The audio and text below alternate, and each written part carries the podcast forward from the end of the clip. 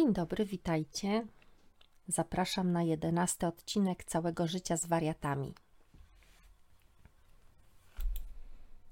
Iga miała wrócić przed dwudziestą, a już było grubo po.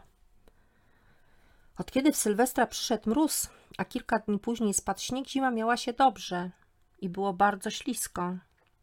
Więc trochę się martwiłam, czy autobus, który miała wrócić, podjedzie pod górę na osiedle. Zimą często się zdarzało, że samochody osobowe nie dawały rady, a większe pojazdy to już w ogóle cofały się blokując skrzyżowania. Na szczęście sygnał domofonu wyrwał mnie z zamyślenia. To na pewno Iga.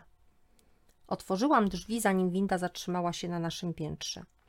Mamo! Iga była zapłakana. Matko, co się stało, dziecko? Przewróciłam się, poślizgnęłam, łukała Iga. Gdzie? Przed klatką. Uderzyłaś się, coś cię boli? Głowa. Upadłam na plecy i głową uderzyłam o krawężnik. O Boże, przerażenia w moich oczach chyba nie dało się ukryć. Jedziemy na pogotowie, już, nie rozbieraj się. Iga zaczęła kręcić nosem. Rafał, musisz zostać sam, w razie czego dzwoń. Dlaczego sam? Gdzie wy jedziecie? Rafcio był najwyraźniej zdezorientowany. Oderwano go przecież od kąpa i przez moment nie wiedział, gdzie jest. Iga przewróciła się na lodzie. Musimy jechać do szpitala. W razie czego dzwoń. Bez przekazywania dalszych szczegółów cmoknęłam synusia w czoło i zamknęłam za sobą drzwi. Pojechałyśmy do szpitala na izbę przyjęć. Po wyjaśnieniu pani w okienku informacyjnym powodu naszej wizyty, ta skierowała nas do punktu przyjęć. Pokoju, w którym odpowiedziałyśmy kolejnej osobie to samo, co przed chwilą w informacji. Stamtąd skierowano nas do gabinetu lekarza internisty. On powinien zdecydować, jaki lekarz miał Igę obejrzeć. Korytarz przed pokojem doktora wypełniony był po brzegi pacjentami. Masakra. Dopytawszy, kto jest ostatni, znalazłyśmy miejsca siedzące na końcu korytarza. Jedno na chybotliwym krześle, drugie na parapecie. Wyjrzałam przez okno. Znowu padał śnieg. Obyśmy tylko mogły odpalić samochód, kiedy wreszcie stąd wyjdziemy. Już dwa razy wzywałam pomoc drogową w tym roku, a ten dopiero się zaczął. Iga jako dziecko miała wyraźnego pecha i często doznawała różnych obrażeń ciała. Mając ze dwa lata na wakacjach nad morzem, bardzo chciała podać ojcu butelkę z napojem. Siedzieliśmy w gronie rodzinki i przyjaciół, a dziecko asekurowane przez babcię potknęło się o własne nogi. Butelka się zbiła, szkło wbiło się w przedramię Igi. Całe szczęście, że była wśród nas pielęgniarka, która zajęła się opatrzeniem rany, ale nasze przerażenie było ogromne. Jako trzyletni maluch, Igusia podczas wizyty u znajomych, nagle wpadła zakrwawiona do pokoju. Ugryzł ją pies leżący w kuchni. Płacz dziecka doprowadził do ukarania psiaka, choć nikt nie wiedział, co się tak naprawdę stało. Łagodny pies nagle zaatakował Igę, którą znał od urodzenia. Hm. Po latach okazało się, że dziewczę podeszło do śpiącego zwierzęcia i zaczęło dmuchać mu w nos. Pies się przestraszył, poderwał mocno głowę, uderzając Igę i uszkadzając jej skórę w okolicy wargi. Bliznę ma do dziś.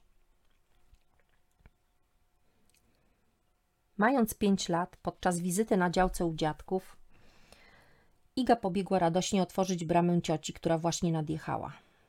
Pod opieką ojca podniosła metalową zasuwę i już miała podbiec do samochodu gości, gdy metalowy pręt spadł jej na głowę. Ranka była mikroskopijna, ale krew lała się jak z kranu. Spotkanie z ciocią zakończyło się zanim się zaczęło, a my wylądowaliśmy na pogotowiu. Pewnego dnia Igusia poszła z koleżanką bawić się do lasku koło kościoła. Tam zrobiły równoważnie ze starego przewróconego trzepaka. Metalowego oczywiście. Chodząc po nim, Iga potknęła się i zardzewiała rura zahaczyła o jej nogę. Tu ma kolejną bliznę do dziś na łydce. Był też skok wśród metalowych drabinek na placu zabaw i guz wielkości jajka. Liczne drzazgi z pomostu nad jeziorem podczas wakacji, wyciągane potem mozolnie pensetą przeze mnie, czy zakrztuszenie się syropem i klepanie po plecach w pozycji do góry nogami. Rafał miał jedną wizytę w szpitalu. Bawiliśmy się w kółko graniaste, czy coś w tym rodzaju. Kręciliśmy się w kółko, trzymając się za ręce.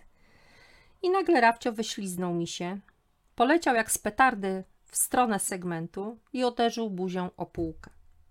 Krew leciała z jego ust i nie było widać jednego zęba. Jedynki. Na pogotowiu nic nie poradzili, kazali robić zimne okłady i udać się do chirurga stomatologicznego. Tam pani doktor stwierdziła, że ząbek owszem jest, choć wciśnięty w dziąsło, ale na pewno wyjdzie ponownie. Co też się na szczęście po kilku tygodniach stało. I tyle. A powszechnie uważa się, że to chłopcy nabijają sobie więcej guzów. No dobra, nadeszła wreszcie nasza kolej. Weszłyśmy do gabinetu. Pan doktor wypytał o kolejność zdarzeń.